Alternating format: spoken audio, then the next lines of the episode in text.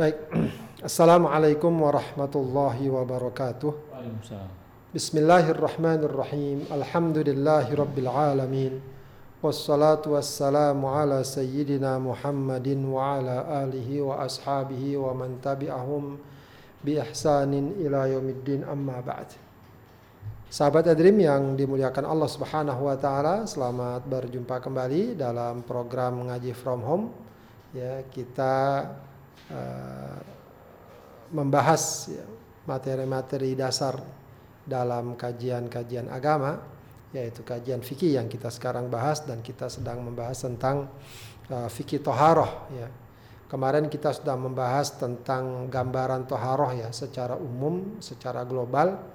Ya, kini kita coba akan memasuki pembahasan-pembahasan rinci dalam bab toharoh. Ya, yang pertama yang akan kita bahas adalah tentang masalah berwudu.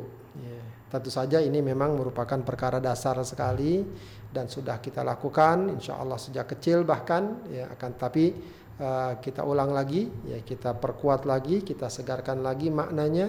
Ya, mungkin juga ada yang perlu kita luruskan jika ada yang belum sesuai dengan tuntunan dan paduan sebagaimana yang uh, diajarkan. Baik, sahabat tadrim yang dimuliakan Allah Subhanahu wa taala, ya, berwudu uh, selain dia merupakan apa namanya uh, fikih toharoh, ya, bagian dari fikih toharoh ya, untuk menghilangkan hadas kecil, ya, dia juga merupakan ibadah ya, amal soleh. Artinya Uh, ketika kita berwudu maka kita sedang ya, melakukan salah satu ibadah yang mulia, yang agung, ya, yang bisa jadi selama ini tidak kita rasakan. Kita berwudu berwudu saja, padahal paling tidak sehari mungkin kita lima kali berwudu, ya, ya bisa jadi lebih begitu ya. Itu saja sudah merupakan fadilah yang sangat yang sangat besar, ya, ya karena Rasulullah mengatakan uh, wudhu itu di antaranya fadilahnya adalah dapat menggugurkan dosa ya dosa yang ada di mulut kita, di mata kita, telinga kita, muka kita, tangan kita, kepala kita, kaki kita dan seterusnya. Sehingga Rasulullah umpamakan orang yang berwudu adalah orang yang ibarat di depan rumahnya terdapat sungai dan dia mandi setiap hari lima kali. Ya, lalu dia tanya sama para sahabat, Bagaimana orang seperti itu? Apakah akan bersih? Ya tentu akan bersih. Begitulah gambaran orang yang uh, berwudu ya uh, setiap ha, setiap hari. Baik, uh, sahabat tadi yang dimuliakan Allah Subhanahu Wa Taala, berwudu ini memang dikenal sebagai uh, dalam hal mengangkat hadas kecil. Ya, jadi kalau mengangkat hadas kecil itu apa yang diperintahkan? Ya berwudu. Ya. Nah, hadas kecil itu apa? Atau disebut al hadasul asghar atau hadasun asghar. Ya, para ulama menyatakan hadas kecil adalah perkara-perkara yang menyebabkan seseorang menjadi wajib untuk berwudu jika melakukan atau ingin melakukan beberapa perkara ibadah atau beberapa bentuk ibadah, terutama sholat. Ya, jadi ketika seseorang berada dalam kondisi tertentu, lalu dia ingin sholat, ya, maka kondisi yang membuat dia harus berwudu ya itu ya, disebut dengan hadas kecil. Atau dengan sederhana bisa kita katakan hadas kecil itu perkara-perkara yang membatalkan wudhu. Ini yang nanti akan kita nanti akan kita bahas. Baik, kita langsung saja kepada pembahasan tentang wudhu ini agar praktis ya dan ini memang penjabarannya lebih kepada penjabaran praktis ya bukan pendalaman yang sedemikian rupa meskipun kita akan singgung sedikit mungkin dalilnya atau juga mungkin uh, kalau ada perbedaan pendapat ya dalam bab-bab yang ada di dalam masalah berwudu. Baik, ter, berbicara tentang wudu ya maka tentu setiap ibadah biasanya ada rukunnya. Ya, rukun ini adalah perkara yang harus ada kita hadirkan saat kita beribadah tertentu. Yang kalau dia tidak ada maka ibadah itu juga tidak bisa ada, tidak mungkin terwujud. Ya, artinya dia mau tidak mau harus kita lakukan. Tidak boleh kita tinggalkan atau kita abai, kita abaikan. Baik. Yang pertama apa? Pertama niat. Ya, tentu saja ya, niat ini merupakan rukun pada semua ibadah umumnya. Ya, tidak ada ibadah yang tidak disertai niat ya maka semuanya harus menyertakan niat di dalamnya Ya, meskipun secara spesifik tidak ada misalnya nas atau hadis yang menunjukkan bahwa kalau mau berwudu harus niat. Ya, tapi para ulama ya menyatakan bahwa uh, niat itu harus disertakan dalam setiap ibadah merujuk kepada hadis Rasulullah sallallahu alaihi wasallam innamal a'malu binniyat. Ya, sungguhnya amal itu tidak bisa tidak ya harus menyertakan niat di dalam di dalamnya. Begitu ya. Kemudian uh, apalagi membasuh muka. Ya, membasuh muka ya, adalah uh, rukun wudhu. Ya, rukun wudhu membasuh mu, membasuh muka. Muka itu apa batasannya? Dari tempat tumbuhnya rambut ya, umumnya ya, ya umumnya tempat tumbuhnya rambut di mana ya sekitar ubun-ubun lah ya. Kemudian sampai dagu, ya sampai dagu bawah, nah itu muka kita. Itu muka muka kita. Ya. Dan juga lebarnya antara anak telinga satu ke anak telinga berikutnya itu muka. Nah itu harus dibasuh. Ya. Jangan ada bagian muka yang tidak dibasuh. Biasanya pipi. Ya, Anak-anak ada anak-anak kalau wudhu cuma depannya aja, pipinya tidak. Pipi itu bagian dari mu, dari muka. Kalau telinga tidak apa-apa. Ya, yang penting sekedar aja kena. Begitu ya nanti telinga ada tempat yang lain. Pala enggak juga begitu ya tengkuk juga tidak ya muka ya bagian yang tadi batasannya adalah dari tempat tumbuhnya rambut sampai dagu dan kemudian dari anak telinga ke anak telinga berikutnya.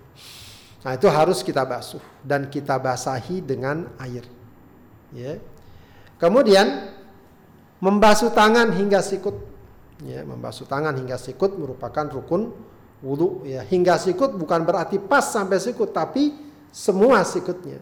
Ya, kalau ayatnya tadi apa namanya uh, wa apa uh, faksilu wujahakum wa aidiyakum ilal marofik ya, sampai tangannya termasuk sikutnya. Sebab kalau dibilang hingga itu cukup sekedarnya aja. Sebagian sikut bisa jadi tidak dibasuh. tidak dibasuh. Yang dimaksud adalah termasuk semua siku sikutnya. Ya. Nah itu juga harus dibasuh. Ya kedua ta, kedua tangan. Ketiga, keempat, ya, mengusap kepala. Mengusap kepala. kepala. Ya, ini memang ada perbedaan pendapat nih soal mengusap kepala. Kalau mengusap kepalanya jelas rukun, ya, rukun wudhu. Cuma apakah yang wajib dan rukun itu mengusap seluruh kepala atau cukup sebagian kepala? Ya. Sebagian ulama dan ini yang dipakai dalam madhab syafi'i dan umumnya masyarakat di kita di Indonesia cukup ya cukup ya. Kalau bab sempurna lain lagi. Bab sunnahnya lain lah lain lagi. Cukup atau minimal mengusap sebagian kepala itu sudah cukup. Memenuhi rukun wu, rukun wudhu ya, rukun wudhu begitu ya. Adapun sebagian madhab yang lain madhab hambali madhab maliki Ya, mereka tidak, ya, mereka mengatakan tidak cukup sebagian, harus mengusap seluruh kepala. Harus mengusap seluruh kepala. Nah, itu memang ada ada masalah khilafiah di sana, begitu ya. Nanti akan kita bahas lebih detail lagi. Yang jelas, tapi masalah mengusap kepala memang rukun. Hmm. Ya. Jadi harus dibedakan ya, mana yang disepakati, hmm. mana yang ada perbedaan pendapat. Ini kadang-kadang masalah uh, suka rancu. Ya, suka rancu. Mana yang disepakati, mana yang perbedaan pendapat. Yang disepakati mengusap kepala secara umum disepakati sebagai rukun wudhu, tapi ukurannya berapa? Begitu ya. Ada yang cukup sebagian, ada yang harus semuanya. Ya. Baik, kemudian membasuh kedua kaki hingga mata kaki. Membasuh kedua kaki hingga mata kaki. Begitu ya. Jadi kedua kaki kita kalau kita berwudu harus kita basuh. Sampai mana? Sampai mata kaki. Jadi termasuk mata kakinya kita basuh. Ya, jangan pas sekedarnya saja, telapak kakinya saja, atasnya misalnya mata kakinya tidak dibasuh. Ya, ini juga termasuk perkara yang cukup penting ya, karena biasanya kalau membasuh kaki ini orang males ya, hmm. ngerak-ngerakan. Padahal kadang-kadang kalau tanpa itu bisa aja ada bagian kaki yang tidak terkena air air wudhu. Ya. Kemudian tertib, ya tertib. Tertib ini uh, apa namanya? urut ya yang dahulu yang didahulukan ya dahulukan. Mendahulukan yang seharusnya dahulukan dan mengakhirkan yang seharusnya diakhirkan. Tidak boleh membasuh tangan dulu sebelum muka atau mengusap kepala sebelum tangan atau membasuh kaki sebelum kepala sebelum kepala. Tertib. Nah ini juga sebenarnya uh, istihad para ulama yang kemudian memang disepakati kalau kita lihat misalnya hadisnya atau ayatnya tidak ada ayat atau hadis yang menyatakan rukun wudhu tertib. Tidak tapi begitulah para ulama. Ini yang sering kita katakan betapa pentingnya kita mendapatkan bimbingan para ulama ya. Dan mereka me, apa namanya menggali nas-nas ya, ayat-ayat atau hadis-hadis yang ada ya dengan seperangkat ilmu yang mereka miliki dan kemudian menyajikannya kepada kita sehingga kita tinggal mengamalkan. Jadi tertib ya. Ini tentu bukan tanpa alasan ya, bukan tanpa dalil. Baik, sampai tadi yang dimuliakan Allah Subhanahu wa taala uh, Perkara wudhu ini perkara yang sudah sangat jelas dan tegas ya uh, tercantum ya dalam Al-Qur'an ya khususnya dalam surat Al-Maidah ayat 6 dengan jelas Allah katakan ya ayyuhalladzina amanu idza kuntum ilas shalah wahai orang yang beriman kalau kalian hendak sholat ya. Di sini pula para ulama mengambil kesimpulan kata-kata idza kuntum ilas shalah pun mengandung makna bahwa ya harus menghadirkan niat tadi selain hadis innamal a'malu bin bin niat. Karena dikatakan idza kumtum ila shalah kalau kalian mau salat ya fagsilu wujuhakum. Maka uh, ada ya tentu saja niat ya untuk uh, mensucikan diri agar dia dapat melaksanakan ibadah ibadah salat kemudian apa Allah katakan fagsilu wujuhakum basuhlah wajah kalian Nah, kata-kata basuh ini mengandung makna ada air yang ditumpahkan. Hmm. Jadi bedakan nanti memang beda antara ghusl dengan masah. Ya. Kalau ghusl itu membasuh, menuangkan air. Hmm. Ya, kalau masah itu tidak tidak perlu menuangkan air, cukup membasahi tangan kita, tangan kita basah, diu, diusapkan. Nah, itu masah. Ya, maka Eh, kadang-kadang ada orang misalnya berwudu tangannya dibasahin, mukanya diusap-usap gitu ya. Itu tidak benar. Sebab perintahnya faghsilu wujuhakum. Basuhlah wajah kalian. Ya, wajah kalian. Wa aidiakum dan tangan kalian. Kata-kata yadun dan aid dalam Al-Qur'an itu begitu ya. Itu kalau disebut secara mutlak para ulama mengatakan umumnya maksudnya telapak tangan. Hmm Ya, sebagaimana ayat wasariku wasarikotu faktau aidiyahuma. Pencuri laki, pencuri perempuan, potonglah tangannya. Tangan kan panjang. Iya. Sampai di mana potongnya? Telapak tangan, sikut apa sampai lengan. Ya, para ulama mengatakan kalau tangan disebut secara utuh begitu aja tanpa ada uh, apa namanya batasannya, maka itu yang dimaksud telapak tangan. Kalau disebut sampai batas saja sesuai batasannya. Hmm. Nah, di sini Allah katakan fagsilu wujuh wujuhakum. Eh maaf, fagsilu wujuhakum wa aydiyakum. Dan tangan kalian ilal marofik disebut sampai ilal marofik. Ya. Ya, hingga sikutnya. Nah, ilal marofik ini kata para ulama ma'al marofik. Ya, bersama. Ya, sekalian dengan sikut dengan sikutnya. Nah, ini penting ya, ya agar jangan sampai orang kadang-kadang berwudu gitu aja ya. Iya. Diletakkan di bawah keran, kadang-kadang sikutnya pun nggak kena. Ya, sikut makanya nanti sunnahnya adalah mengurut-urut dan menekan-nekan anggota wudhu agar air wudhu membasahi semua anggota anggota wudhu. Baik, kemudian apa Allah katakan lagi? Wamsahu biru'usikum. Usaplah kepala kali kepala kalian. Ya. Usaplah kepala kalian. Lihat perhatikan ini usaplah atau di sini diartikan sapulah. Ya. Jadi mengusap artinya nggak perlu kita tumpahin air di atas kepala sebagaimana kita lakukan kepada wudhu dan kepada muka dan tangan tangan kita usapkan artinya cukup basahi tangan kita kemudian usap kepala kita. Nah ini di sini yang nanti tadi kita katakan ada perbedaan. Ya, sebenarnya kalau perbedaannya uh, cukup detail ya ya dalam fikih Syafi'i dan juga termasuk fikih Hanafi para ulama dalam madhab Syafi'i dan Hanafi mengatakan mengusap kepala sudah memenuhi standar hukum atau standar wajib ya, minimal mengusap sebagi Sebagian. sebagian. Ya, mereka mengatakan wamsahu biruusikum ba huruf ba pada ayat ini wamsahu biruusikum itu memberikan makna lit tab'id. Ya, artinya apa? Menunjukkan sebagi sebagian sehingga mereka mengartikan wamsahu biruusikum artinya wamsahu bi ba'di ruhus ruusikum. Usaplah sebagian kepa Kepala. kepala udah cukup.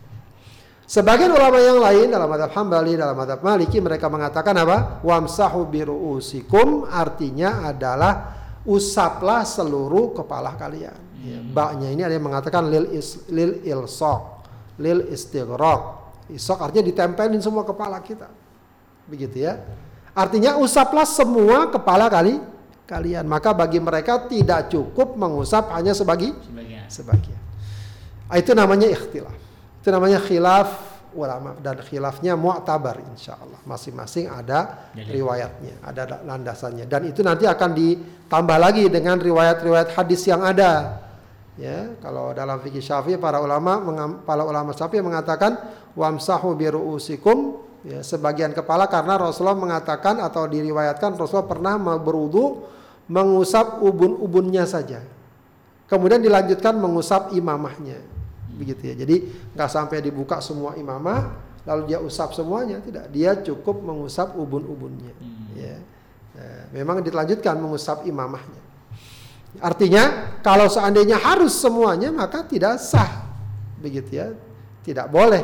Ya, karena kalau harus semua tapi itu semua dijadikan dalil eh, sebagiannya cukup. Meskipun sebagian ulama yang mengatakan harus juga melihat kepada praktek Rasulullah yang mengusap semua kepalanya dalam berwudu. Kemudian wa arjulakum ilal ka'bain. Ya. Wa arjulakum. Nah, ini yang kemudian jadi bahan landasan juga.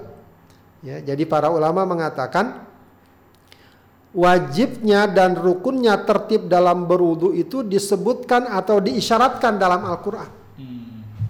Diisyaratkan dalam Al-Qur'an Al-Quran. dalam Al-Quran. Mana isyaratnya? Perhatikan kalau sedikit kita paham belajar nahu atau bahasa Arab ya. Kalau mau lihat misalnya ada bahasa itu ada namanya atof ya, ma'tuf, naat, man'ut. Hmm. Nah, naat man'ut itu biasa mengikuti sebelumnya. Iya. Ya, kalau sebelumnya kasroh dia kasroh. Iya. Sebelumnya fathah dia fat Fathah. fathah. Jadi kalau mau ikut naat man'ut atau sifat mausuf wamsahu biruusikum wa arjulikum. Oke, Paham nggak? Iya. Karena ruusi itu kas Kasroh. si kasroh. Ya. Nah kan ada waw ataf harusnya wa arjulikum. Iya. Ini kok dibacanya wa arjulakum. Berarti ngikut sebelum kepala ya. Berarti ngikutnya bukan ke kepala, ngikutnya ke Tangan. ke tangan atau ke, mu- Muka. ke muka. Ya. Sebab kalau ikut ke kepala bukan dibasuh tapi di Diusap. diusap. Nah, karenanya para ulama mengatakan kaki itu dibasuh. Makanya ikutnya ke muka dan ke tangan. Kalau seandainya tidak diwajibkan tertib, maka urutan dari segi bahasa mestinya didahulukan dari kepala biar dicampur dulu ya perkara yang dibasuh ya. Faksilu wujuhakum wa aydiyakum ilal marafiq wa arjulakum. Kan enak tuh satu rombongan. Hmm. Nah, ini nggak dijadikan satu. Iya. Diletakkannya setelah kepala Kepala. kepala menunjukkan apa? Tertib itu ha? harus walaupun sedikit merubah susunan apa bahasanya. Begitu ya. Itu para ulama sampai ke dalam gitu mem- memberikan kesimpulannya. Kalau kita barangkali nggak sampai sejauh itu meng- kita kita paham kayak gini kenapa? Udah dijelasin sama para ulama gitu ya. Kalau kita langsung lihat ayatnya aja nggak nggak mungkin nggak kepikiran oh ini ternyata jadi dalil adanya tertib dalam berwudu. Begitu ya wa arjulakum ilal ka'bain dan eh, membasuh kaki kalian hingga mata ka- hingga mata kaki. Ini ayat yang dengan jelas dan tegas menunjukkan tentang syariat berwudu khususnya rukun-rukun wudu yang enam itu. Ya. Adapun hadisnya banyak hadis tentang wudu tapi hadis yang terkenal sebagaimana mungkin pernah saya sampaikan ya, dalam bab wudu disebut sebagai hadis apa? Usman. Bukan hadis Utsman. Eh, Hadis maulanya. iya, mau Usman Ya. ya. Maula Uthman siapa Maula Uthman? Pasti. Humran. Iya. Ya.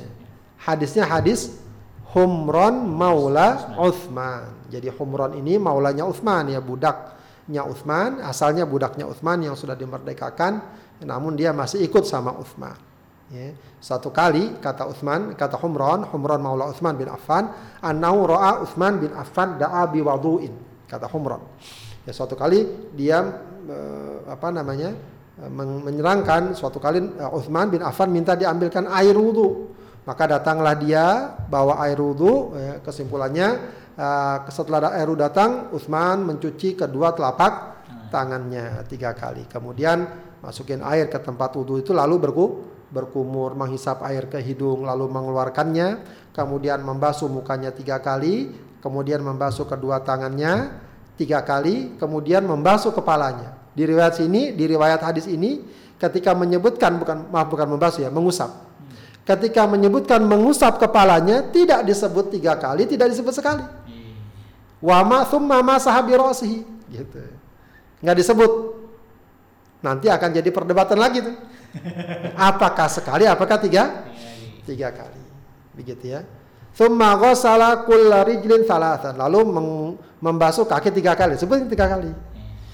Thumma qala setelah selesai dia mengatakan ra'aitun Nabi sallallahu alaihi wasallam yatawaddaa yatawaddau nahwa wudu'i hadza ya. Aku menyaksikan Rasulullah berwudu seperti wudunya wudunya aku. Ya, jadi eh, ini dalil atau landasan yang sangat kuat ya tentang praktek berwudu ya.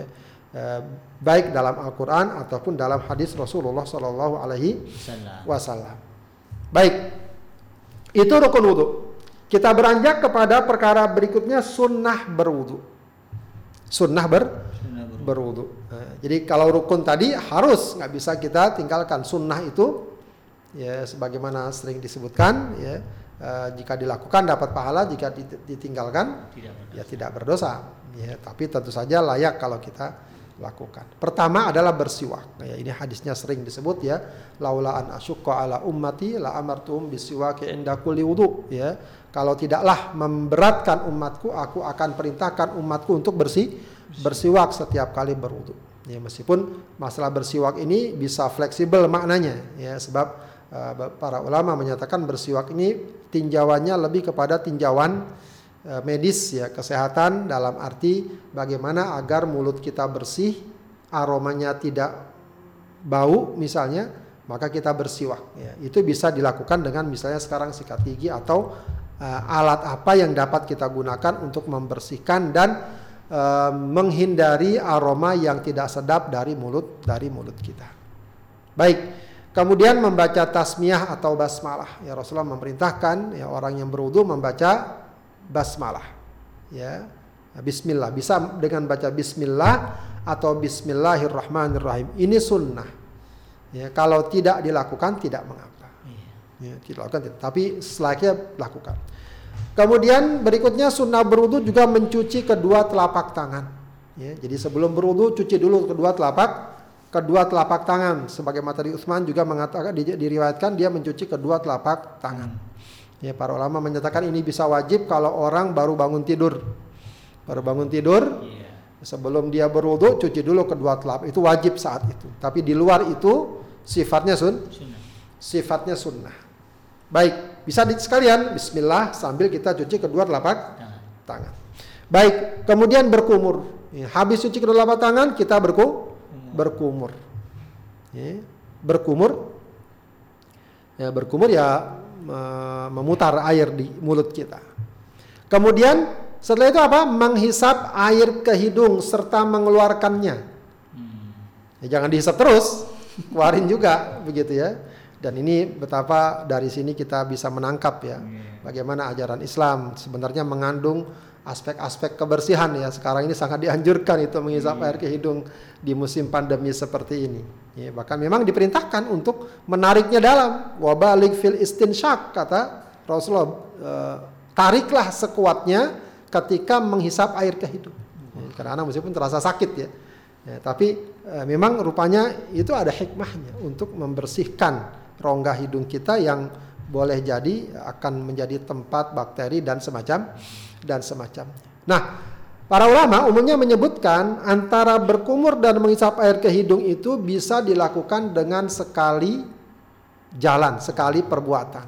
Kubur dan Ya, berkumur dan hidung. Itu bahkan sunnahnya. Hmm. Disebutkan dalam banyak kitab fikih, termasuk fikih syafi'i juga para ulama menyebutkan kayak gitu. Ambil air, bahkan cukup dengan satu telapak tangan. Ya kalau mau dua nggak apa-apa. Biasa kan kita pengennya banyak-banyak ya. Iya. Airnya kalau banyak baru puas gitu ya. Padahal sedikit pun nggak masalah. Ambil air, sebagian kita ambil untuk berkumur, sebagian lagi kita ambil untuk menghisap air ke hidung. Iya. Ya. Nah itu apa namanya Sunnah. sunnahnya. Tapi kalau mau dipisah ya nggak apa-apa. Kalau mau dipisah tidak tidak apa-apa. Baik. Kemudian mendahulukan yang kanan atas yang kiri. Hmm. Ya, Yang kanan dulu, ya, baru yang kiri. Ya. Kadang-kadang ada yang eh, kurang pas ya, selang-seling, kanan sekali, kiri sekali. ada yang gitu nggak? Ya. Semestinya adalah selesaikan dulu kanannya. Kanan, tiga kali Selesai kanan. tiga kali baru ki- Kiri. kiri. Jangan diselang-seling gitu. Ya. Mendahulukan yang kanan atas yang atas yang kiri. Ya, jadi ini bagi tentu bagi apa namanya eh, yang berpasangan ya, tangan dan kaki, begitu ya. Eh, nah ini sunnah. Kalau nggak kiri dulu kanan sah nggak? Sah, karena ini sunnah. Ini nggak masuk bab tertib tadi. Yang tadi itu tertib antara satu anggota dengan anggota lain. Ya, misalnya tangan dulu baru muka itu nggak sah, gitu ya. Kemudian sunnahnya juga tiga kali dalam setiap basuhan, meniga kalikan. Nah inilah yang tadi jadi perdebatan ya. Iya. Kalau yang berkumur itu jelas ya, ya, basuh tangan, berkumur, muka, tangan, kaki, jelas tiga kak, Tiga kali. tiga kali. Itu udah. Jadi memang berwudu ini yang rukunnya itu sekali, Hmm. paham nggak? sekali ya. Yang rukunnya sekali. Jadi misalnya kita ya air dikit, Hmm. kemudian waktunya sangat sempit, Hmm. Ya, waktunya sangat sem- Iya. sangat sempit. Nah, kita udah kumur, udah, udah, kemudian muka, udah sekali, kepala sekali, kaki sekali, selesai. Boleh, nggak apa-apa. Ya, itu boleh. Ya, dalam kondisi normal aja boleh, apalagi dalam kondisi mendesak. Ya, kadang-kadang suka terjadi itu kan, airnya dikit banget. Ya, ya udah jangan tiga, jangan paksakan. Iya. Atau kalau saya tuh sering kalau lagi wudhu di terminal ya di stasiun itu kan antri tuh orang di belakang. Iya, Ya. lagi. Kalau kita lah kadang-kadang ada orang yang kurang apa namanya sensitifnya kurang. Ketahuan orang antri banyak, air sedikit, ya asik ya berwudhu pelan-pelan gitu ya. Udah mau komat lagi. Udah mau komat. Nah, kayak kayak gitu ya pantas eh, pantas disesuai Sesuai. disesuaikan. U- Ambil rukunnya saja ya, tidak mengapa. Kecuali kalau kondisinya normal dan lapang, eh, sempurnakan bagus. Baik. Kemudian eh, jadi tiga kali setiap basuhan. Nah, di sinilah perbedaannya nanti pada kepala. Ya, sebab memang ada riwayat eh, Jabir ya atau Wa'il bin Hujur yang mengatakan dia melihat Rasulullah berwudu tiga kali tiga kali. Tawaddu'a salasan salasan. Bersifat umum. Iya. Ya, Berarti pemahamannya kepala juga termasuk tiga kali. Meskipun memang ketika di hadisnya hadis Humran Maula Utsman tadi tidak menyebutkan jum Jumlah. jumlah. Ya, itu kesimpulannya. Sementara sebagian ulama mengatakan tidak. Ya, kepala itu seka, sekali saja. Ya, jadi se- kepala sekali sa, Saja. sekali saja. Ya, yang lain iya tiga kali. Nah, itu perbedaannya di situ. Ya, perbedaannya di situ. Kemudian juga mengusap seluruh kepala. Nah ini tadi ya. Ya. Tadi kan ah, ini memang saya ah, pakai berarti eh, fikih syafi'i ini ya karena memang di Indonesia banyak yang menerapkan fikih syafi'i. Ya, jadi masalah mengusap seluruh kepala ya bagi sebagian madhab, sebagian ulama dikatakan sebagai ru, rukun, harus. Ya. Kalau nggak mengusap seluruhnya dia cuma mengusap sebagian, oh nggak sah wudunya. Tapi dalam fikih Syafi'i mengusap sebagian kepala itu sudah cukup. Iya. Tapi kalau dia usap semuanya itu sunnah. Hmm. Itu sun, Sunnah. itu sunnah. Nah ini maaf ya kadang-kadang kita ini, oh saya kan fikihnya Syafi'i. Berarti saya setengah aja dong. harusnya kalau mau pakai itu bagi yang sempurna. Iya. Kalau anda mau pakai fikih Syafi'i harusnya bukan harusnya sunnahnya semua. Semua. Dapat pahala sunnah. Dapat pahala sunnah. dan dapat pahala sunnah kalau dalam kaidah fikih juga para ulama mengatakan khurujan minal khilaf Hmm, keluar dari perbedaan penda- Pendapat. Pendapat jadi akhirnya sama dengan yang mengatakan wajib mengusap seluruh kepa- kepala jadi bukan berarti oh fikih syafi'i kan eh, kita cuma mengusap sebagian dia usap sebagian ya dia kurang baca lengkap lagi memang minimal sebagian sudah sah tapi sunnahnya mengusap seluruh kepa- Kepala. kepala. Ya, maka yang cara yang bagus adalah ambilkan air, basahkan tangan kita, tarik dari depan ke belakang, ke belakang, dari belakang ke, de- Depan. ke depan, sebagaimana yang dicontohkan Rasulullah Shallallahu Alaihi Wasallam. Bada abi muqaddami ra'si thumma apa namanya eh, eh, masa ila ila qafahu thumma raddahuma ila alladhi bada abin. Au kama qala sallallahu alaihi wasallam. Ya, dia awali dari depan palanya, tarik ke belakang, dari belakang dikembalikan lagi ke, de- Depan. ke depan. Gitu ya. Jadi itu eh, mengusap kepala. Kemudian mengusap telinga. Ini juga ada perbedaan lagi. Sebagian lama mengatakan mengusap telinga sekaligus dengan mengusap kepala. Kepala. Kepala tidak perlu membasahkan lagi.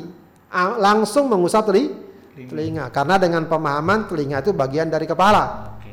Begitu ya. Bagian dari kepala. Tapi sebagian lama mengatakan dalam fikih Syafi'i juga mengusap telinga itu beda dengan mengusap kepala. Artinya apa? Kita bahasakan lagi tangan kita, usap teli Telinga. Tiga kali juga. Tiga kali juga eh, di, di sunnahnya adalah memasukkan jari telunjuk ke dalam bagian telinga, ke dalam bagian dalam ya, ke, da- ke bagian dalam telinga, ibu jari bagian lu luar. Jadi bagian dalam kita bersihkan bagian dalam telinga kita, telunjuk kita, ibu jari mengurut bagian lu bagian luar. Ya, itu mengusap telinga. Kemudian termasuk sunnah dalam berwudu adalah terus menerus. Terus menerus kalau dalam bahasa fikih namanya mualat. Jadi ada tertib, ada mua, mualat. Kalau tertib tadi ya urut. Kalau mualat itu terus menerus artinya bagusnya jangan terpotong dan terputus. Ya. Nah ini sunnah. Ya, ini sun, Nah. sunnah. Jadi orang misalnya kalau lagi berwudu kadang-kadang ada yang ngajak ngobrol, dia ngobrol sebentar. Iya. Bagusnya jangan begitu. Kalaupun dia ngobrol ya nggak apa-apa. Atau yang sering misalnya ada telepon, telepon masuk, kerangkring kerangkring, biarkan aja.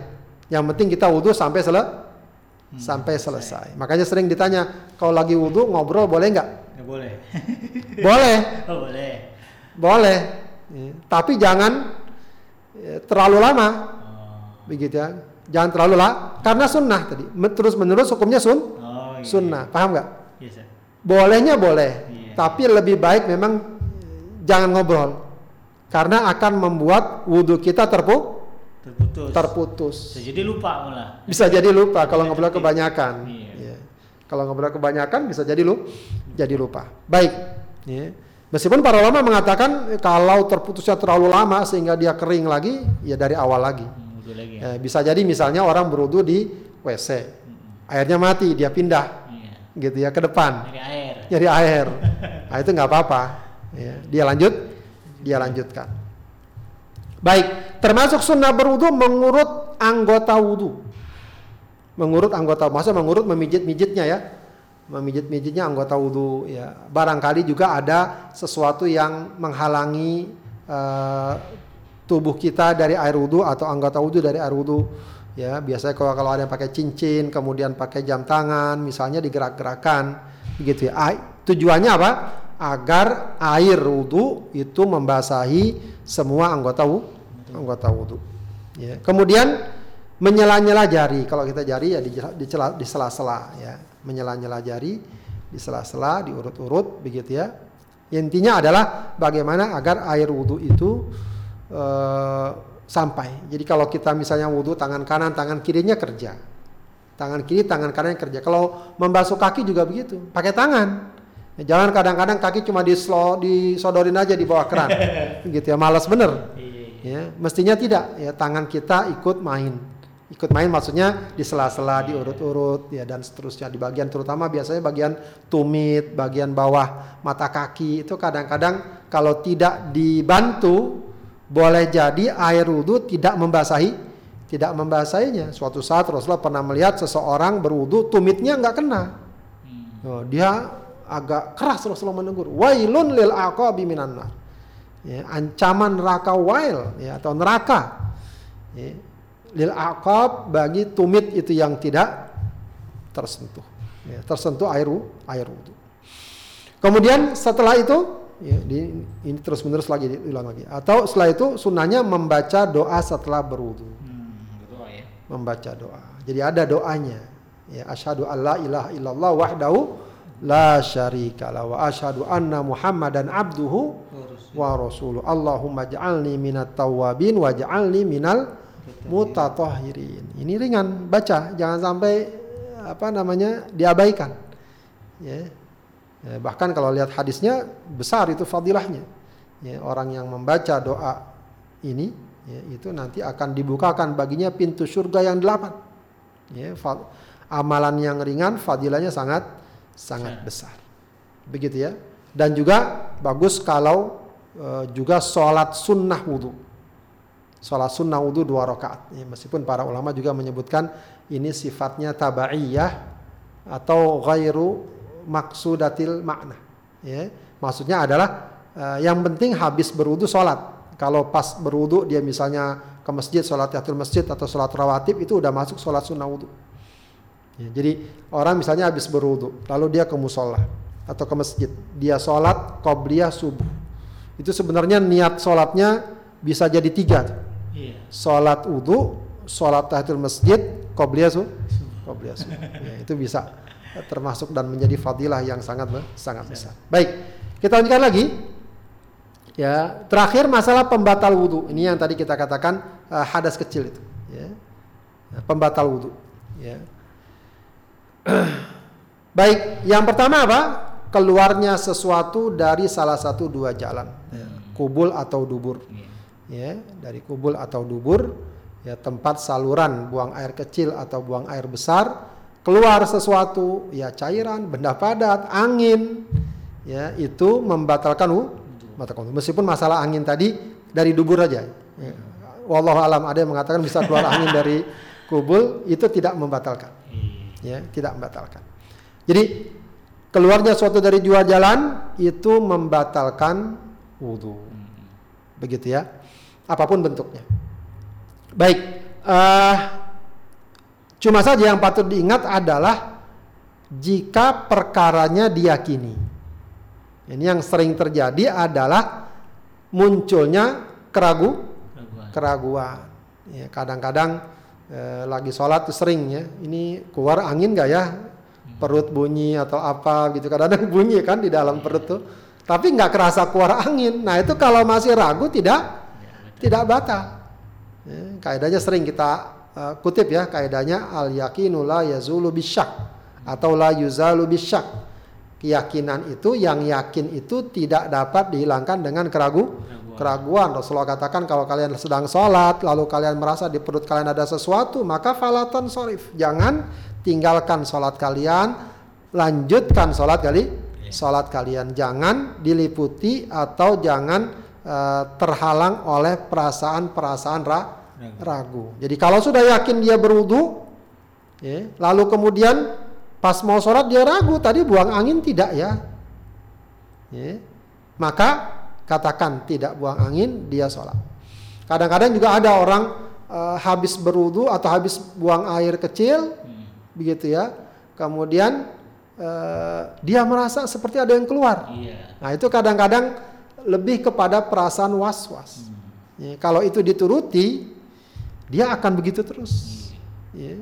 Dan itu akan merugikan dan memberatkan diri dirinya. Maka perasaan was-was itu jangan terlalu di, dihiraukan. Ya, pokoknya pastikan, pastikan kita sudah bersih, kita buang najis, misalnya buang uh, hajat, selesai bersih sudah. Hmm. Ya, insya Allah kalau sudah dibiasakan gitu sudah. Karena memang Allah sudah ciptakan kita itu otomatis kan, otomatis. Nah yang kadang-kadang bikin kita ini karena kita terlalu ragu tadi. Iya, iya begitu ya semuanya udah udah selesai ya sudah nggak ada yang keluar nggak ada yang keluar begitu ya cuma kadang-kadang kita suka paksa-paksa gitu ya uh, ini gak yang yang ini ya uh, salah satu buktinya orang kalau pengen buru-buru lagi buru-buru buang hajat, pengen buru-buru, dia selesaikan bisa nggak? Bisa. Bisa. Gitu. Cuma kalau kalau lagi nggak buru-buru, pengennya ditunda-tunda atau apa begitu ya, jadi lama. Betul, betul. Begitu. Baik. Kemudian tidur dalam posisi yang membatalkan wudhu, tidur dalam posisi tidak duduk tegak, Hmm. tegak ya atau tegak. Ya, atau juga ya ini salah satu eh, narasinya saja. Ah, sebagian ulama mengatakan tidur ringan, Hmm. tidur yang tidak terlalu lelap. Hmm. Ya, jadi memang agak macam-macam ya. Ya, sebab eh, kalau dalam beberapa kitab fikih, misalnya dalam kitab fikih Syafi'i ya, eh, an-naumu ala hayati ghairil mutamakkin. Tidur dalam posisi tidak kokoh. Ya, itu biasa dalam penjelasannya tidur dalam duduk dan tidak bersandar dengan sesuatu. Sebab orang kalau tidur masih duduk, nggak bersandar, itu umumnya tidurnya bukan tidur pulas total. Paham nggak? Tidur ayam. Ya tidur ayam atau apalah namanya. Kadang-kadang sampai ngorok juga sih. Iya. Ya. iya, iya. Tapi dia masih duduk. Iya. Sebab orang kalau tidurnya total, jatuh nggak kalau dia duduk? Jatuh. Jatuh pasti. Ya. Orang tidurnya total banget, pulas banget gitu ya. Nggak mungkin dia duduk gitu. Kalau dia masih bisa duduk berarti ya sebagian masih Setengah sadar. masih setengah sadar begitu ya. Artinya kalau masih begitu masih belum dikatakan membatalkan wudhu. Hmm. Ya. Tapi kalau sudah sangat pulas apalagi berbaring di kasur atau bersandar, ah, itu membatalkan wudhu. Membatalkan wudhu. Ya, jadi memang masalah tidur ini nggak mutlak, ya, karena eh, dalam satu hadis Rasulullah mengatakan karena masalah tidur ini itu kaitannya dengan masalah pertama tadi, masalah tadi keluarnya sesuatu, khususnya keluar angin dari dari dubur. Kenapa? Karena orang kalau lagi tidur, kalau lagi bangun, pengen keluar angin bisa ditahan nggak? Bisa. Bisa, ya. Mau tahan-tahan, kita geser-geser gitu kan? Berjuang. ya pokoknya gimana biar tahan. Nah, kenapa dia bisa nahan? Kenapa? Karena dia sadar. Iya, iya, iya. Coba kalau lagi tidur, nggak sadar. buang angin, buang angin saja. Kadang-kadang kita lihat ada orang tidur buang angin gitu kan. Ya. Makanya dalam satu hadis selalu mengatakan al ainu wika usahi. Unik itu hadis Rasulullah itu. Mata itu katupnya dubur. Hmm. Faida nama istat lakol wika. Ya, Kalau orang tidur itu seakan katupnya terbuka. Iya. Maka karena kata terbuka dianggap ya ya dia batal wudhunya. Ya, batal wudhu, batal wudhunya. Kalau duduk makanya orang yang duduk tidur itu potensi keluar anginnya minim. Ya, karena lagi duduk lebih rapat misalnya kan ketimbang dia ti, ketimbang dia. Di samping memang ada riwayat sahabat mendengar menunggu Rasulullah sholat sholat isya ya. Rasulullah itu kalau sholat isya memang agak malam. Sholat isya ini memang unik sebenarnya. Dari segi waktu bagusnya ya kalau tidak sampai menyebabkan ketinggalan sholat jamaah Hmm. itu lebih ditunda pelaksanaannya. Jadi nggak seperti sholat-sholat lainnya. Ditunda sedikit ya sampai enggak sampai akhir malam enggak ya awal malam akhir dari sepertiga awal malam. Ya, mungkin kalau sekarang kita sekitar jam 9 jam 10 ya hikmahnya apa agar setelah itu nggak ngapa-ngapain lagi tidur. Sehingga akhir aktivitas kita adalah so Sholat. sholat. Makanya Rasulullah itu nggak suka tidak menyukai tidur sebelum isya ngobrol sesudah isya. Gitu ya. Iya, iya. paham nggak? Iya, jadi tidur sebelum isya udah tidur, maghrib tidur, nah itu nggak bagus. Nah yang nggak suka juga Rasulullah itu Ngobrol setelah. habis isya masih ngobrol, Masih ada aktivitas. masih ada aktivitas. Nah, kita repotnya justru acaranya kadang-kadang habis isya begitu ya. Nah sahabat itu kadang-kadang nunggu Rasulullah, mereka capek apa, nunggu sambil tadi disebutkan dalam hadis sampai terkantuk-kantuk gitu. Nah ketika Rasul datang mereka sholat dan dikatakan tidak berwudu lagi. Oh. tidak berwudu. Itu artinya apa? Tidur dalam kondisi seperti itu tidak membatalkan wudhu. Hmm. Tapi kalau tidur pulas berbaring, ya itu batal wudhunya. Atau kita bisa kadang-kadang di mobil ya, ngantuk kita udah di jok, gitu ya, disandarin kita, itu batal wudhunya. Oh, nyadar ya. Ya, nyanda karena nyandarnya itu. Baik, itu pembatal wudhu. Ya. Eh, Kemudian hilang akal. Nah, hilang akal ini dikaitkan memang dengan tidur. Ya. Kadang orang nggak tidur ya hilang akal, mabok kah, ya, atau pingsan, nah itu batal wudhunya. Ya, karena kalau tidur aja bisa batal, apalagi hilang akal. Ya, hilang akal batal wudhunya. Ya, kemudian menyentuh kemaluan tanpa penghalang, menyentuh kemaluan tanpa penghalang. Nah, itu juga ba batal wudhunya. Ya, menyentuh kemaluan tanpa penghalang batal. Begitu ya. E, baik karena ada sebagian ulama memang mengaitkan kalau menyentuh dengan syahwat batal. Kalau enggak menyen- kalau menyentuh tanpa syahwat tidak batal. Itu ada yang mengaitkan begitu. Ya. Karena memang ada hadis ya, ada dua hadis yang cukup ini dikenal memang kalau dalam misal kalau kita belajar kitab Bulughul Maram itu disertakan tuh oleh Ibnu Hajar Al Asqalani dua hadis. Pertama sahabat bertanya ya Rasulullah kalau nyentuh kemaluan batal enggak? Gitu ya. Kata Rasulullah, enggak. Kemaluan kan sam- bagian tubuh kamu. Kamu megang tangan batal enggak? Enggak. Enggak. Kemaluan kan sama juga. Ya meskipun hadis ini diperdebatkan juga sahih tidaknya. Ya, ada yang mengatakan dhaif ya. Tapi ada hadis lain yang sangat jelas, man. Siapa yang menyentuh kemaluannya maka dia harus beru berwudu. Ya, sehingga wallahu alam lebih hati-hati memang eh, menyatakan bahwa menyentuh kemaluan baik syahwat atau tidak syahwat membatalkan wu, membatalkan wudu. Baik, kemudian tanpa penghalang tadi ya. Kemudian menyentuh wanita bukan mahram. Nah, ini memang ikhtilaf, masalah khilafiyah. Ya, dan ya, saya ambil ini, saya jadikan poin ini karena memang eh, di masyarakat ya, banyak eh, merujuk kepada fikih Syafi'i dan memang dalam fikih Syafi'i itu menyatakan bahwa menyentuh wanita yang bukan mahram itu batal wudunya. Ya, batal wudunya.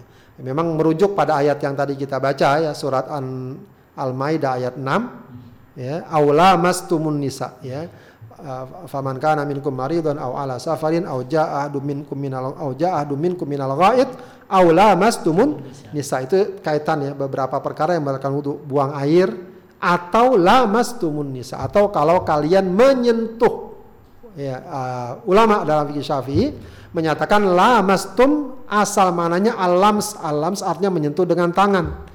Berarti menyentuh batal. Ya, baik dengan syahwat atau tanpa syah tanpa syahwat. Ya, batal mutlak batal. Ya, kalau tanpa penghalang. Tanpa pengha tanpa penghalang. Itu dalam fikih syafi'i. Ya, sementara sebagian ulama yang lain menyatakan bahwa menyentuh sekedar menyentuh saja tidak batal. Ya, kalau ada yang bahkan mutlak mau menyentuh tanpa syahwat mau menyentuh dengan syahwat tidak batal. Ya, sebagian membedakan. Kalau tanpa syahwat tidak batal, kalau dengan syahwat batal. Mereka mengartikan aula mastumun nisa, ya, itu diartikan bukan sekedar menyentuh tapi berji berjima. Ya, redaksinya pun bukan lamasa. Kalau lamasa menyentuh. Ya, ini panjang lamasa. Ya, itu dalam kaidah bahasa Arab disebut ziyadatul mabna tadullu ala ziyadatil makna bertambahnya struktur kata ya, itu menunjukkan bertambahnya maknanya. Di samping memang ada beberapa riwayat yang menyebutkan Rasulullah ketika sholat menggeser kaki Aisyah.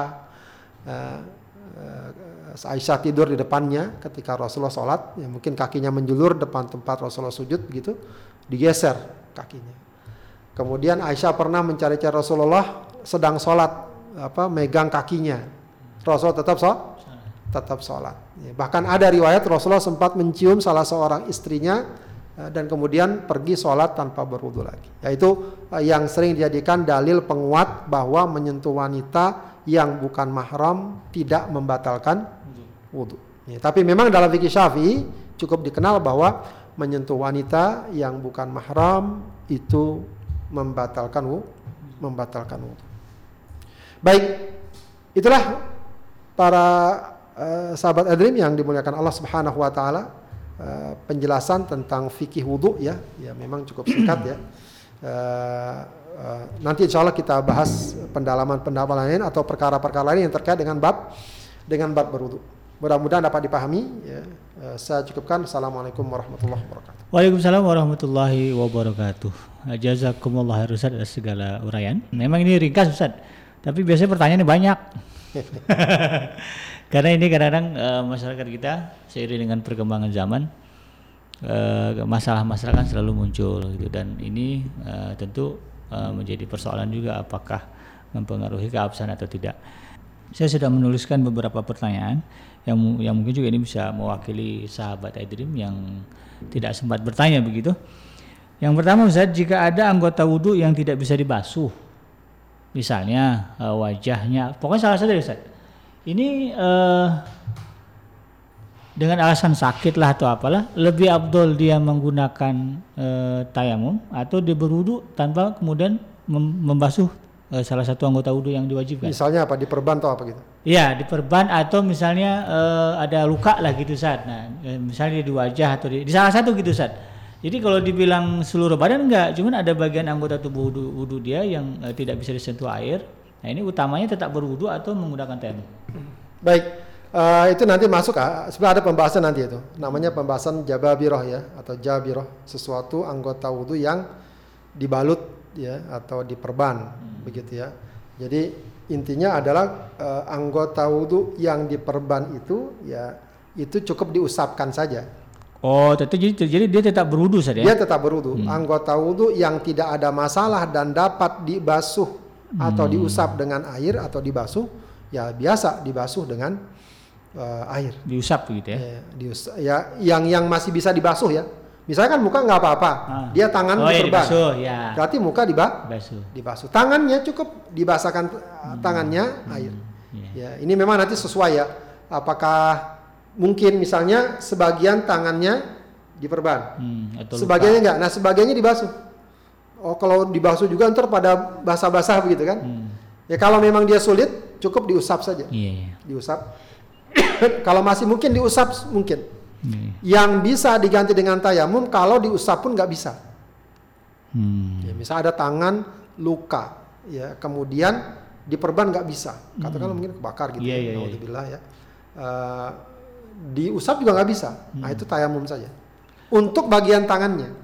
Oh jadi yang lain tetap wudhu? Yang lain tetap diwudukan. Ah, yang ini diambil debu gitu. Ambil debu biasa dengan tayamum. Ya. Dia tayamum untuk mengganti usapan tangan. Hmm. Begitu ya. Memang agak ribet ya tapi uh, itu konsekuensi yang terjadi iya, iya. apabila seseorang tidak bisa membasuh sebagaimana biasa. Hmm. Intinya kalau perban-perban itu kalau memang sulit untuk dibasuh ya uh, cukup diusapkan. Tangan yeah. dibasahi, diusapkan begitu. Secukupnya. Oke. Okay. Itu nanti ada babnya dalam bab jababir namanya, ada bab. Masih dalam tohara? Masih dalam tohara, oh. pembahasan wudhu. Baik, baik. Nanti kita detailkan lagi Ustaz ya terkait dengan ini. Pertanyaan berikutnya Ustaz. uh, ini terkait dengan membasuh tangan Ustaz dari di, di, di dalam ayat tadi kan ilal marofik. Nah, ini ada sebagian orang yang pernah saya lihat ngebasuhnya dari siku dulu Ustaz karena mungkin karena keran gitu ya ngambil keran jadi dia basuh dari siku dulu ke tangan. Ini yang benar gimana Ustaz? Wallahu alam uh, sejauh ini tidak ada ketentuan sih memang. Apakah harus dari, dari jari ke oh, enggak. gitu. Enggak enggak. Memang meskipun kalau dari segi ayatnya tadi ilal marofik, ilal marofik gitu iya. ya. Tapi para ulama mengatakan ilal marofik bersama maro marofik bukan menunjukkan harus uh, sunnahnya dari depan ke belakang itu tidak oh, ada. gitu. tidak ada petunjuk secara detail hmm. ya bahwa apakah dari sikut dulu ke depan atau dari depan ke sikut itu hmm. mungkin dikembalikan kepada ya keenakannya aja mana dia paling enak biasa orang mungkin dari sikutnya dulu gitu yeah. ya ke iya. depan ya. Yeah, yeah. itu tidak insya Allah tidak masalah bukan masalah, ya? sesuatu ya? yang mendasar oke okay, siap gitu. jadi uh, jangan di komen gitu kalau ada, eh nggak sah itu, karena kan kita gitu Sat, Enggak, gatal mulut gitu kan. Lanjut Sat, uh, nih. Kemudian Sat uh, terkait dengan sebagian kepala, uh, di dalam ayatnya itu kan. Nah, ini apakah ada ketentuan harus ubun-ubun atau boleh misalnya bagian kanan, bagian kiri atau semuanya bagian belakang doang kayak ini? tidak juga, tidak ada ketentuan. Pokoknya bagian kepala mana saja. Ah. Kalau dalam dalam fikih Syafi'i bahkan sedikit-sedikitnya paling paling sedikit sekalipun nggak apa-apa. Ah. Kalau dalam fikih Hanafi nggak, mereka memang sebagian kepala tapi minimal sepertiga kepala gitu ya. Jadi yang diusap nggak pas-pas banget kalau kita kadang-kadang pas sekena-kenanya aja kan. Iya. Nah itu nggak apa-apa juga kalau dalam fikih Syafi'i. Hmm. Tapi kalau dalam fikih Hanafi meskipun dia nggak mewajibkan semuanya, hmm. minimal sepertiganya. Iya. Tulus ya, sepertiga kepala. Jadi mau kita bagian ubun-ubunnya, mau belakangnya, mau atasnya, nggak apa-apa. bebas. Gitu, bebas. ya, itu be bebas. Yeah, yang penting bagian kepala. Bagian kepala. Yang penting bagian kepala. Ya, cuma kita ingatkan tentu saja, uh. selagi tidak ada kendala, tidak ada kesulitan. Kenapa tidak diusap semua? Semuanya. Semuanya. Iya. Karena itu perkara sun Sunnah. sunnah. Kalaupun kita misalnya mengatakan saya pakai madhab syafi'i makanya setengah atau sebagian. Ya, dalam madhab syafi'i juga sunnahnya adalah semua semuanya. Semuanya. Saya pernah saksikan misalnya seorang siapa ya, Syekh ulama besar begitu, Hmm. ya, yang dikenal dalam fikih syafi'i. ya. Hmm. Beliau mengusap kepalanya eh, semuanya. Ya, artinya eh, menyadari bahwa meskipun dalam fikih syafi'i eh, boleh minimal Sebagian, iya. mengusap sebagian, tapi kalau dia tahu sunnahnya seharusnya semua Semuanya. semuanya ya bukan seharusnya selayaknya Iya. atau semestinya iya, iya. semua dia mengusap semuanya. Wallahu a'lam. Iya. Jadi dapat pahala dua kan, pahala wajib sama pahala sunnah. Pahala gitu. sunnah. Baik Ustaz, Eh, kita lanjut Ustaz. Ini terkait dengan kewajiban membasuh Ustaz dan meng- mengusap. Ini juga kita eh, kita temukan di zaman sekarang. Eh, seandainya di antara anggota tubuh kita ada yang tertutup cat, Nah, cat atau mungkin ada yang eh, kalau perempuan itu Ustaz ada kutek tuh di kukunya tuh. Ya. Nah, ini nih hukumnya gimana saat berwudunya? Misalnya dia eh, dia berwudu tapi tangannya ada kuteknya atau di tangan itu ada cat gitu dan dia nggak nggak atau dibersihkan nggak bisa gitu. Baik, eh, intinya adalah sesuatu yang dapat menghalangi air ke anggota tubuh atau ke anggota wudhu memang harus dihilangkan. Harus dihilang, Dihilangkan. dihilangkan. Ya, jadi kalau misalnya ada kutek, ada cat apa, bersihkan dahulu. Ya, kalau perkara nggak bisa dihilangkan tuh apa alasannya? Memang nggak bisa dihilangkan banget, gitu kan? Misalnya waktunya mepet, aduh udah mau habis baru ini sholat nih ada chat, wah nyari Tinder lagi ya itu kalau kutek eh, ya, itu kan itu maksudnya Ustaz. Ya itu kan mengejar itu kan masalahnya kenapa kok baru sekarang akhir sholat baru ngurusin. Ya artinya walau wallahu alam kalau memang waktunya mepet kayak gitu ya dia harus bersihkan dulu. Ya ketinggalan berarti resiko ya dia nanti dia wudhu dia kalau dia sholat ya dia kodok sholatnya. Ah. Kalau memang karena itu tadi agar dia memastikan bahwa wudhunya Sah. sah. Lain halnya kalau misalnya sehabis wudhu sehabis sholat kok ada cat Hmm. misalnya. Iya iya. Tadi wudhu ada catnya dong. Ya, itu masih ada kemungkinan kan? Iya. Mungkin saja kena catnya setelah wudhu, iya. begitu ya. Ada kemungkinan. Tapi kalau sebelum wudhu dia eh, apa ada catnya ya bersihkan, ya bersihkan. Ya, gimana cara pakai sabun kah, pakai minyak, pakai thinner segala macam. Ya ter- perkara dia baru mau ujung sholat, kenapa kok pas waktu akhir sholat dia? Iya, iya. Harusnya eh, jauh-jauh eh, waktu ya sebelum sebelumnya dia sudah siap Iya. siapkan dirinya. Ya, jadi eh, intinya memang jangan sampai orang merasa males ya untuk melakukan sesuatu yang bisa jadi dapat menghalangi dan mengurangi wudhu wudhunya. Nah kalau tato gimana Ustaz? Ya tato para ulama menyatakan tato diharamkan ya. Iya. Ya, maka sekarang ini banyak anak-anak muda yang merasa ringan ya pakai tato ya bahkan itu termasuk yang dilaknat oleh Allah dan dan Rasulnya Iya. begitu ya. Nah kalaupun ada banyak, alhamdulillah juga kita dapati banyak eh, orang-orang yang dulunya bertato lalu dia taubat Hmm. dan dia hijrah lalu dia ingin menghilangkan tato Tatonya. tatonya. Artinya sebenarnya intinya bukan masalah di tatonya kalau sudah begitu. Intinya masalah taubatnya. Hmm. Kalau taubatnya ikhlas, taubatnya taubatan nasuha, maka insya Allah tidak ada masalah. Hmm. Perkara menghilangkan tato itu bisa dilihat kemungkinannya, kemudahannya. Ya kalau memang ternyata nggak mungkin, mungkin tatonya jenis apa begitu Iya, ya, iya. nggak bisa dihilangkan, tidak masalah. Apalagi tatonya kalau ada yang sampai tato dekat mata, dekat muka Iya. begitu ya. Ya itu ya sudah terjadi. Yang penting dia sudah taubat, sudah alhamdulillah. Bagaimana sholatnya, wudhunya tidak masalah, Hmm. Sah. begitu ya, sah. Ya, kalau memang itu sulit untuk dihilang, Dihilang. dihilangkan. Di samping juga ada yang mengatakan tato itu katanya di bawah kulit ya. Iya. Saya tidak tahu persisnya. Ya katakanlah eh, dia di bawah kulit atau bahkan di atas kulit sekalipun nggak mungkin dihilangkan. Ya, ya, nggak apa-apa. Ya itu artinya eh, sudah di luar kemampuannya. Fattakullah mas Tato. mas tototum. Jangan juga akhirnya orang kemudian Tidak eh, sholat. tidak sholat atau kebalikannya dia paksakan dia rusak tubuhnya Iya. apakah ditriska atau apa ya itu juga tidak boleh Iya. ya, merusak diri merusak tubuh dan seterusnya Hmm. ya biarkan saja kalau memang nanti ada alat atau ada cara yang paling baik untuk menghilangkan tato ya dengan cara yang tidak menyakiti dengan cara yang mudah ya katanya sekarang banyak ya teman-teman yang memberikan fasilitas bagi siapa yang ingin menghilangkan ta Tato. menghilangkan tato Iya. ya itu bisa dilakukan meskipun biasa nggak sekaligus kan Iya. biasa berproses berkali-kali Kayaknya sakit itu Ustaz gitu ya. Wallahu alamnya mungkin ya, itu mungkin harga yang harus dibayar Ya, iya, ya, iya, iya. dari apa yang telah dia lakukan maka bagi yang sudah eh, bertato terlanjur Iya. ya, karena khilaf karena apa tidak ada pintu yang tertutup untuk bertaubat dan kembali kepada Allah Betul. bagi yang belum bertato jangan coba-coba Ya, jangan sekali kita ah coba pengen atau pengen tahu dan seterusnya Iya. jangan sampai seseorang sadar ketika sesuatunya sudah terlam Lambat. terlambat. Ya, insya Allah tubuh lebih sehat, lebih indah, lebih nyaman dilihat tanpa tak tanpa tato. Ya, jangan kemudian terbawa arus ya ada orang ya eh, gambarnya mukanya sudah tidak enak dipandang, tidak sehat. Ya, Eh, kabarnya orang yang bertato tuh nggak bisa donor darah dan semacamnya. Iya, kotor. Ya, ya. banyak hal-hal yang ya, tidak dapat dia raih dengan tato. Baik, jadi ini juga peringatan bagi kita agar kemudian eh, bijak eh, sebelum bertindak begitu ya. Lanjut Ustaz. Nah ini eh, juga te- terkait dengan realita pada hari ini kalau misalnya di daerah-daerah yang dingin Ustaz atau kayak di puncak gitu ya. Nah boleh nggak boleh nggak Ustaz wudhu dengan air hangat atau air, air panas? Ya, pokoknya intinya air yang sudah direbus begitu. Ya, ya eh, memang dalam beberapa kitab fikih ya dan juga memang ada hadisnya ya, ya, ada larangan menggunakan air yang disebut dengan air musyammas. Ya.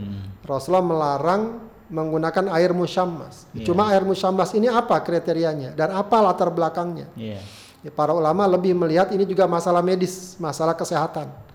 Air musyammas itu air yang terkena terik matahari. Oh terbuka gitu ya? Enggak, iya terbuka. Jadi dulu orang menyimpan air di wadah logam, kayak kayak tembaga kayak apa begitu ya. Nah wadah logam ini atau besi itu kalau kena panas matahari kadang-kadang mereka ada karatnya. Oke. Nah ada karat kena matahari lalu panas begitu ya. Karena panas ada karatnya rontok, itu airnya jadi apa bahasa sekarang tercemar Iya, tercemar. tercemar, Terkontaminasi. terkontaminasi. Makanya dalam hadis larangan tersebut Rasulullah mengaitkannya karena kalau kamu pakai itu buat berwudu itu akan menyebabkan penyakit belang, Oh, penyakit kulit lah kalau iya, kita iya. sekarang. Dari sini kemudian para ulama mengatakan sebenarnya nggak dilarang. Dari segi hukum hukumnya sah, ya. Tapi yang dikatakan makruh. Hmm. Makanya kalau dalam fikih syafi'i itu ada istilah tohirun mutahhirun makruhun gitu ya. Jadi kalau ada definisi standar air, ada yang suci mensucikan tidak makruh. Itu air-air mutlak tuh air air yang air sumur, air air sungai yang bagus segala macam. Begitu ya. Tapi ada yang kedua masih bu- suci, mensucikan juga tohirun mutahhirun ghairu makruh eh makruhun. Hmm. Suci bisa juga untuk bersuci, berwudu ya. Tapi dia makruh. Nah, yang makruh itu air musyammas tadi. Nah, cuma saja disebutkan ya, makruhnya ini karena faktor kesehatan. Artinya, kalau seandainya dari segi kesehatan itu tidak menimbulkan masalah, menggunakan air panas atau air hangat maka tidak masalah. Oh, Begitu ya. Apalagi memang cuaca dingin. dingin. Begitu. Kalau di negeri-negeri yang ada empat musim memang nyaris dikatakan nggak mungkin tanpa dihangat. kita aja mungkin karena negeri kita tuh walaupun dingin kayak di ya, puncak iya. masih bisa lah Iya. kita tahan-tahan walau dingin kan. Paling menggigil dikit. Tapi kalau di negeri yang super dingin, Ah. ya, yang ada saljunya yang apa, memang nyaris boleh dibilang nggak bisa menggunakan air tanpa dihangatkan. ya. Orang ngeludahin es batu. Iya. Jadi begitu. Ya, karena itu penggunaan mesin penghangat, heater Iya, dan semacamnya iya, iya. itu boleh-boleh saja. Yang penting tidak ada unsur yang ditambahkan Hmm. ke dalam air tersebut sehingga merubah warnanya, rasanya dan baunya. Oke. Begitu ya. itu tidak masalah. Jadi Tapi kalau misalnya kalau kita kita panasin air, kita masak, Hah? airnya air putih, Iya. Air biasa kan, air bening, dihangatkan biar kita bisa pakai buat berwudu nggak apa-apa juga. Kalau itu yang kaporit gitu eh, pembersih air tuh gimana Ustaz? Dia Walau alam dia- sepanjang itu tujuannya untuk membersihkan ya, Oh iya. membersihkan. ya. Ya, Mudah-mudahan tidak mengapa karena tujuannya adalah biar lebih bersih. Bersih, iya. Betul, iya. bukan untuk memang sengaja ditambahkan. Mm-mm. Meskipun wallahu alam juga kalau eh, tidak terlalu banyak itu lebih hati-hati. Iya, iya, iya, baik, baik. Eh, lagi Ustaz ini, eh, kalau wudhu itu Ustaz, kalau berbicara eh, apa yang di- dicontohkan oleh eh, Rasulullah SAW, terus dengan praktek kita pada hari ini, eh, yang benar itu atau yang sah itu atau yang sebagaimana diajarkan, da- pakai wadah atau di- dialirkan Ustaz. Misalnya kalau kita kan harus pakai keran nih, keran kan, keran jadi air mengalir begitu. Ya. Atau yang betul di ember, di ember dimasukkan tangan ke dalam, itu Ya. gimana Ustaz? Ya, eh, memang paling paling bagus ya dialirkan, lebih sehat dan lebih dipastikan. Oh, begitu ya. Tapi tidak mengapa kalau misalnya di ember, ya memang dia ada sebagian masyarakat kalau kita masukin tangan nggak boleh. iya, iya itu dia. Ya, padahal tidak, Rasulullah masukin tangannya ke wadah. siap. Gitu. Yang penting tangannya pastikan bersih, itu aja. Maksudnya bersih dari najis minimal. Iya, iya, iya. Ya, jadi makanya tadi disunahkan apa? Cuci Cuci tangan. tangan dulu, ya. Apalagi kalau habis bangun tidur, Hmm, cuci tangan dulu, hmm. ya. Baru cuci tangan baru bisa masukin air ke Ember. ember begitu ya masuk air ke ember jadi tidak harus pakai gayung Wah, Iya. harus pakai gayung enggak ya, gayung juga masukin juga dong airnya Ya, jadi nggak masalah begitu ya Siap. ada sebagian orang memang ini memang ada sedikit pemahaman yang kurang pas ya. Nah, jadi ini kan airnya di ember kurang dari dua kula Iya. kalau kita masukin tangan kita akhirnya kotor jadi najis. jadi kotor, Iya, jadi mustakmal, najis iya. atau mustakmal. Tidak. Air mustakmal itu kalau misalnya air bekas wudhu kita ditampung lagi, Ah, kita pakai buat wudhu lagi nanti, ya itu nggak boleh. iya. Itu pun dalam fikih syafi'i ya. Iya. Dalam pendapat yang lain nggak masalah Boleh, juga. iya. Nah, kalau misalnya airnya kita ambil di ember, kita berwudhu, Hmm. airnya sudah terbuang, ya nggak Iya, apa-apa. Iya. Begitu ya. Walaupun dia cuma kurang dari dua kula, bab dua kula bukan di situ temanya. Hmm. Bab dua kula itu misalnya kalau kecampuran sesuatu yang najis, ya tidak berubah warnanya, rasanya dan baunya nggak ketetes aja kan nggak berubah tuh. Iya. Tapi kalau airnya kurang dari dua kula najisnya, walau nggak berubah, Enggak berubah. walau nggak berubah, itu bab dua kula di situ babnya, begitu. Oke. Wallahu Siap. Kemudian Ustaz, wudhu di WC sah nggak Ustaz? Wudhu di WC sah, Ya, nggak ada yang menghalanginya, larangan, ya? nggak ada larangan. Ma- Mungkin yang jadi masalah biasanya wudhu di WC itu adalah perintah atau sunnah baca Doa, basmalah tadi iya, atau doa tadi. Itu kan bisa disiasati bacanya di luar Iya. atau bacanya di dalam hati Iya. tidak diucapkan, Iya. begitu ya. Kalau Iya. memang uh, dilarang tentu saja membaca nama-nama lafaz Allah. Iya, iya. gitu ya. Jadi boleh ya jemaah kalau wudhu di memang apalagi di kantor-kantor kadang-kadang kan ada yang nggak eh, tempat itunya tidak dipisah. Jadi kita ya terpaksa Ya, wudhu di WC. tidak masalah wudhu di WC. Ya. Kemudian Ustaz, nah ini terkait dengan wudhu juga nih, Ustaz. Wudhu nggak pak- misalnya nih kita habis mandi, eh otomatis kan nggak pakai baju Ustaz, telanjang lah gitu. Wudhu ta- tanpa busana sah nggak Ustaz? Kalau dari aspek sah sih sah. Ah, Ya, cuma memang ada aspek adab.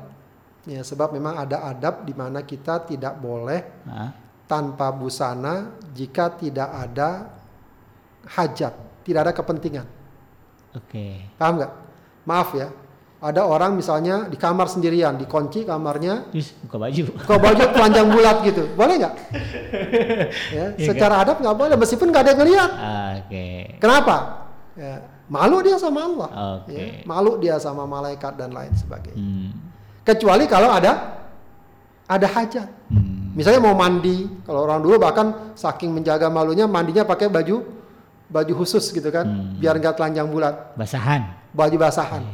Ya, tapi paling tidak mandi itu ada hajatnya, Hmm. paham nggak? Ya Ustaz. Eh, ya maaf berhubungan intim misalnya, Hmm. ya lepas baju segala macam. ya, kenapa ada hajatnya? Iya. Kalau nggak ada hajatnya, jangan membuka au, Aurat. membuka aurat. Ya, jangan membuka aurat. Apalagi kalau dilihat orang, nggak lihat orang pun juga eh, sebaiknya tidak. Nah, orang berwudu apa hajatnya? Misalnya dia eh, habis habis mandi ya, tanggung terus ya. eh, nanggung gitu mau pakai handuk ter handuknya eh, Iya. harus panggil. Nah itu gimana Ustaz? Ya sebenarnya sih dari segi sah-sah saja. Oh, sah-sah Ya, saja. cuma tadi ya dari Ada. segi adabnya. Baiknya kenapa dia? Apa sulitnya dia Ambil berhanduk-handuk handuk, dulu, ah. bersihkan, lalu pakai handuk aja nggak apa-apa kan? Iya. Pakai handuk selesai dia berwudu. Iya. Itu lebih bagus, lebih hati-hati, Iya. ya, lebih menjaga adab. Apalagi kalau dia oh, udah pakai pakaian bagus, ya, lalu dia berwudu itu lebih bagus. Oh, lagi. Oke. Wallahu a'lam. Siap, Ustaz. Kemudian Ustaz, nah ini tadi terkait dengan hilang akal Ustaz. Kalau orang tiba-tiba habis wudhu kesurupan, batal nggak Ustaz? Ya batal. Oh, karena Surupan hilang, kan hilang akal. hilang akal ya. Hilang akal. Nah. Hilang akal itu bukan gila saja, surupan, dibius, pingsan, apalah ya, epilepsi Hip, dihipnotis. Bisa jadi batal ya. Iya kan Ya, bisa. hilang akal ya, Iya. hipnotis ya. Oke, jadi termasuk kategori hilang akal juga Ustaz. Kemudian ini Ustaz yang terakhir. ini juga eh, sering kita temukan eh, realitanya dalam kehidupan kita. Kaum perempuan Ustaz, eh, wudhu mau wudhu gitu, tapi tidak ada tempat tertutup. Kan auratnya terbuka tuh Ustaz.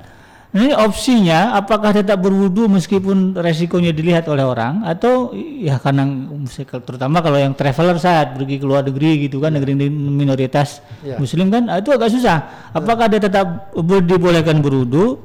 Apalagi tadi dengan eh, kaidah tadi kan wajah harus sampai ke sini berarti kan atau rambut dia harus dibuka. Nah ini kira-kira gimana Ustaz? Wallahu alam eh, kalau memang darurat ya mendesak ya eh, dia buka saja dengan pemahaman ya, dia toh tidak ingin memperlihatkan ya. Oh. Ya. Yang masalah yang ngeliatinnya itu kan. Kayak misalnya kita kita wudu- berwudu di stasiun atau apa, ada perempuan, Iya. ada wanita di depan kita wudhu, karena memang nggak ada tempat lagi perempuan Iya, gitu kan. iya. Ya mungkin dia buka tangannya kan. Iya. Ya kita jangan ngeliatin, jangan malah kita Cantik, kemudian Zat. kesempatan segala macam. Ya jadi kalau ada artinya eh, intinya kan memang membuka aurat itu kalau memang sengaja diperlihatkan Iya, atau haram. apa begitu ya. Eh, berwudu ya apalagi dia berwudu biasa lebih tertutup kondisinya begitu ya. Eh, buka aja secukupnya dia berwudu ya kalau dia percepat agar tidak terlalu lama dan seterusnya. Begitu. Jilbab juga mungkin nggak buka semuanya. Iya. Sekedar disampirkan kepalanya dia wudu. Kepalanya rambutnya juga diusap sedikit, sedikit ya itu sudah cukup insya Allah. Tapi ketika orang tuh mengambil pilihan ah saya tayamum aja nggak boleh Ustaz ya? Apa? Jadi bisa Tayamum tidak? Wallahu alam. Tayamum dalam kondisi seperti itu enggak karena tayamum kaidahnya jelas ya. Tidak ada air atau dia terhalang menggunakan air. Oke. Nah kalau ini Ustaz, an- seandainya berwudu menghabiskan waktu sholat, eh, dengan berwudu karena dia harus mencari air misalnya Ustaz, harus cari air, kemudian waktu sholat eh, habis, mana yang lebih utamakan? Tetap mencari air atau ditayamum Ustaz? Tayamum lah. Kalau memang udah dicari tadinya ke mana? Jauh-jauh gitu aja nggak perlu. Sekitarnya nggak ada air sudah. Tayamum. Tayamum. Makanya dikatakan kaidah tayamum tadi faman kana minkum maridun aw ala safar. Ya, eh, sakit kalau jelas sakit ya. Kalau safar itu kan kaitannya kenapa? Orang kalau lagi safar susah dapat Iya, air. jadi Ya, dia tayamum. Iya. Nggak perlu dia mencari-cari air jauh-jauh ke sana kemari sampai waktu sholat lewat. Oke. Kalau diperkirakan sekitarnya nggak ada air atau susah air ya sudah bertayamum saja. Tayamum ya. Nah, baik. Jadi eh, demikian mungkin ini Ustaz karena pertanyaannya banyak jamaah nyimak juga nih. Jadi nggak ada yang tanya. Udah diwakilin sama Abi Genji gitu ya. Baik sahabat Adrim yang dirahmati Allah Subhanahu wa taala di mana pun Anda berada. Tuntas sudah kebersamaan kita. Namun sebelum kita akhiri kita dengarkan dulu eh, closing statement dari Ustaz terkait dengan tema kita pada hari ini yaitu eh, fikih wudhu. Silakan Ustaz. Baik, eh, sahabat Adrim yang dimuliakan Allah Subhanahu wa taala, ya tentu saja sebagaimana sudah kita katakan wudhu adalah perbuatan kita sehari-hari ya atau amal yang sehari-hari sudah kita lakukan ya, tapi eh, penting kita pahami lagi ya bukan hanya sekedar untuk kita tentu saja mungkin nanti untuk keluarga kita, anak istri kita begitu ya. Eh, orang-orang yang terdekat bagi kita untuk kita ajarkan, kita sampaikan kalau mereka belum paham atau ada hal-hal yang patut dilurus diluruskan. Itu saja. Mudah-mudahan eh, wudhu kita dapat terlaksana dengan sebaik-baiknya sehingga sholat kita pun dapat terlaksana dengan baik. Assalamualaikum warahmatullahi wabarakatuh. Waalaikumsalam warahmatullahi wabarakatuh. Baik sahabat Adrim yang dirahmati Allah di mana pun anda berada. Uh, sudah kebersamaan kita dalam program ngaji from uh, bersama dengan guru kita Al-Ustaz Abdullah Darasi yang telah membahas tentang fikih wudhu. Insya Allah nanti ada sambungannya lagi. Oleh karena itu tetap uh, apa namanya perhatikan ya dilihat didengarkan berbagai program yang ada di iDream Radio dan juga di iDream TV. Saya Abi Kenji beserta kru yang bertugas pamit undur dari ruang dengar Anda. Mohon maaf atas segala kehilafan dan kekurangan. Subhanaka Allahumma rabbana wa bihamdika asyhadu an la ilaha illa anta astaghfiruka wa atubu ilaik. Walhamdulillahirabbil alamin. Assalamualaikum warahmatullahi wabarakatuh.